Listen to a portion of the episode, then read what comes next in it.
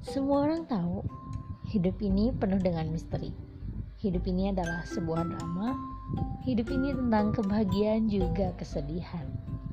Dan yang paling penting, hidup ini adalah sebuah perjuangan. Oh ya, satu lagi.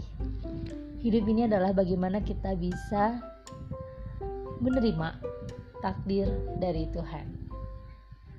Jadi, di podcast daily activities ini tentunya kita akan sama-sama belajar tentang kehidupan.